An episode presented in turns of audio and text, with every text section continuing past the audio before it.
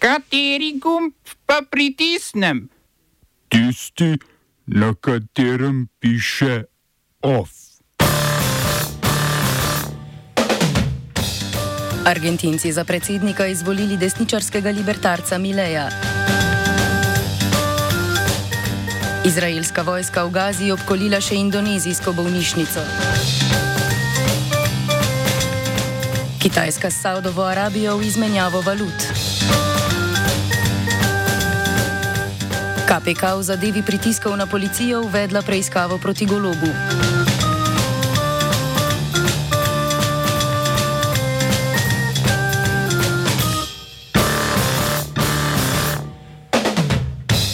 Izraelska vojska je s tanki obkolila indonezijsko bolnišnico na severu Gaze in ubila vsaj 12 palestincev.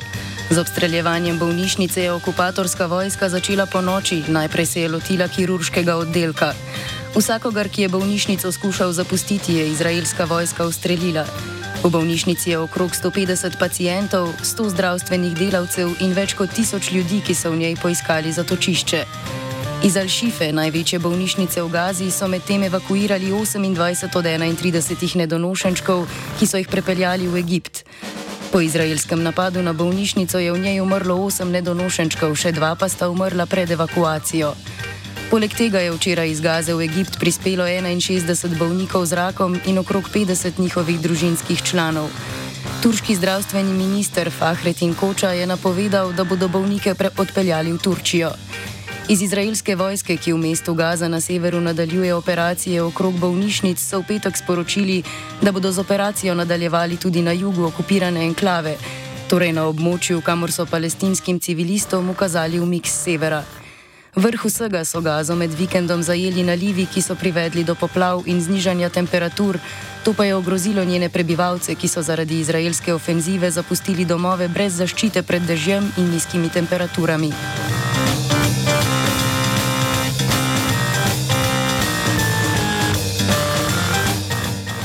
Ljudska banka Kitajske je s centralno banko Saudove Arabije sklenila 6 milijard evrov vreden dogovor o izmenjavi valut. Namen dogovora je spodbujanje trgovine in investicij med državama, posebej ne dolarske trgovine. Saudska podjetja bodo tako v naslednjih treh letih, ko bo podgodba veljala, s Kitajsko lažje trgovala v kitajskih juanih namesto v dolarjih. Saudova Arabija je največja izvoznica nafte na Kitajsko, državi pa sodelujeta tudi v sklopu kitajske pobude En pas, ena cesta. Ljudska banka Kitajske, ena štirih velikih kitajskih komercialnih bank, je svojo podružnico v Rijadu odprla v začetku septembra.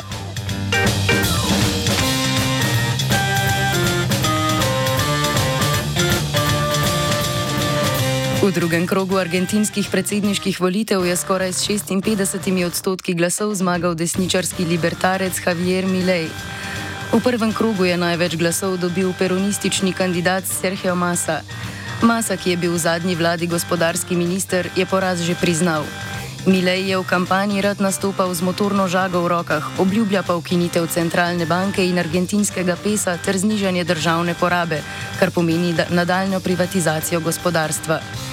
To je po njegovem rešitev za znižanje okrog 150 odstotne inflacije in zmanjšanje državnega dolga, katerega večji del je v ameriških dolarjih. Zmaga Mileja je udarec za peronistične stranke, iz katerih so bili vsi argentinski predsedniki zadnjega tisočletja, z izjemo dveh. Milejeva volilna koalicija Svoboda gre naprej je v spodnjem domu parlamenta 22. oktober dobila 38 poslancev, za večino pa potrebuje 129 glasov, zato bo Milej mor moral oblikovati koalicijsko vlado.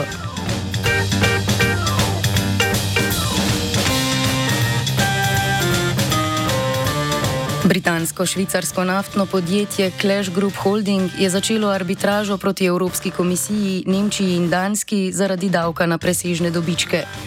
Evropska komisija je lani obdavčenje presežnih dobičkov državam priporočila za spopadanje z energetsko draginjo. Nemčija in Danska sta uvedli 33 odstotni davek na presežne dobičke, zaradi česar naftno podjetje zahteva odškodnino v vrednosti vsaj 95 milijonov evrov. Arbita arbitražne tožbe zasebnim korporacijam omogoča pogodba o energetski listini, sklenjena v 90-ih letih z namenom zaščite zahodnih investicij v nekdanjem vzhodnem bloku. Arbitraže potekajo na posebnih tribunalih onkraj državnih sodišč.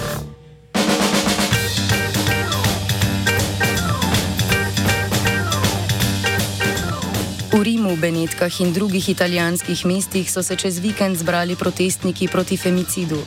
Včeraj je nemška policija aretirala 22-letnega italijana, ki je zbežal po domnevnem umoru nekdanje 22-letne part partnerke Giulia Cecchetin.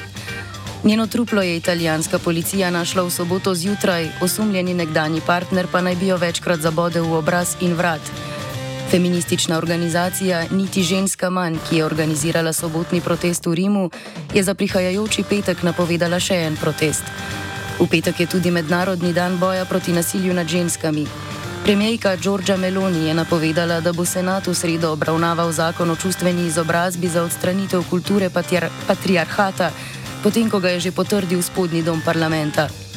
Zakon povečuje sredstva za načrt boja proti nasilju in za zaščito žensk, ki so žrtve partnerskega ali družinskega nasilja, in uvaja obvezno 20-dnevno aretacijo za vse nasilne partnerje, ki so zasačeni med izvajanjem nasilja. Poleg tega je vlada Ministrstvu za enake možnosti in družino naložila pripravo ozaveščevalne akcije o partnerskem nasilju v šolah. Giulia Čeketin je 53. žrtev femicida v Italiji letos.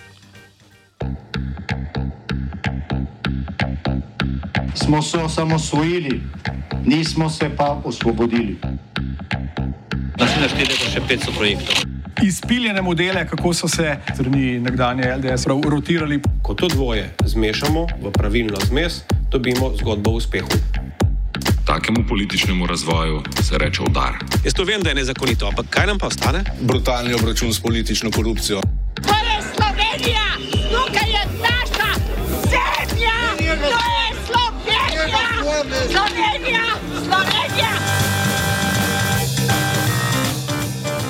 Komisija za preprečevanje korupcije je zoper premijeja Roberta Goloba uvedla preiskavo zaradi zaznanih sumov kršitve integritete v povezavi s prijavo o domnevnem izvajanju pritiskov na nekdanjo notranjo ministrico Tatjano Bobnar in druge zaposlene na notranjem ministrstvu. Bubnar je prijavo zaradi očitkov o političnih pritiskih na policijo podala konec lanskega decembra, ko je tudi odstopila z funkcije notranje ministrice. O pritiskih je spregovorila tudi konec oktobra na zaslišanju pred preiskovalno komisijo državnega zbora, ki preiskuje umešavanje politike v delo policije in drugih državnih organov.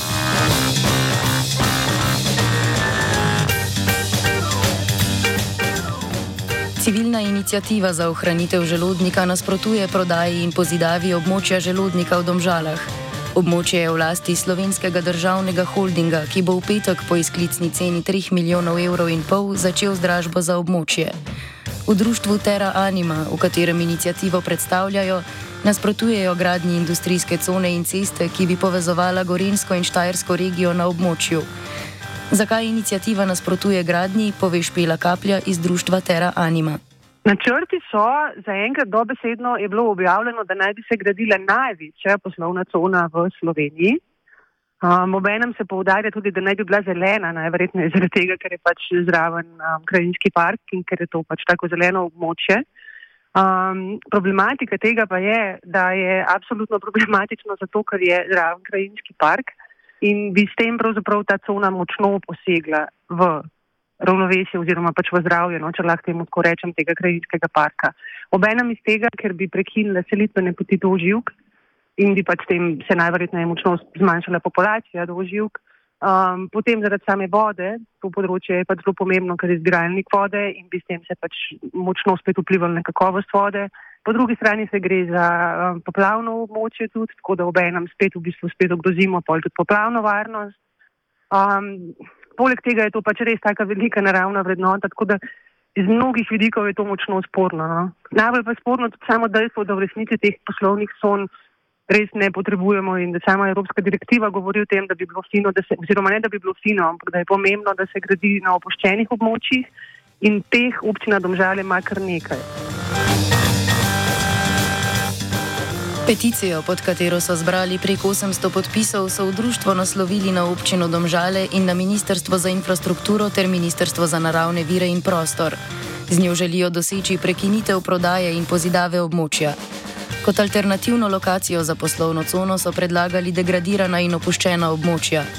Vlada je sicer z uredbo letošnjega aprila ustanovila krajinski park Češeniške in privojske gmajne, vendar pobudniki peticije trdijo, da zaradi načrtovanih graden območja niso vključili v zaščiteno, v zaščiteno Naturo 2000.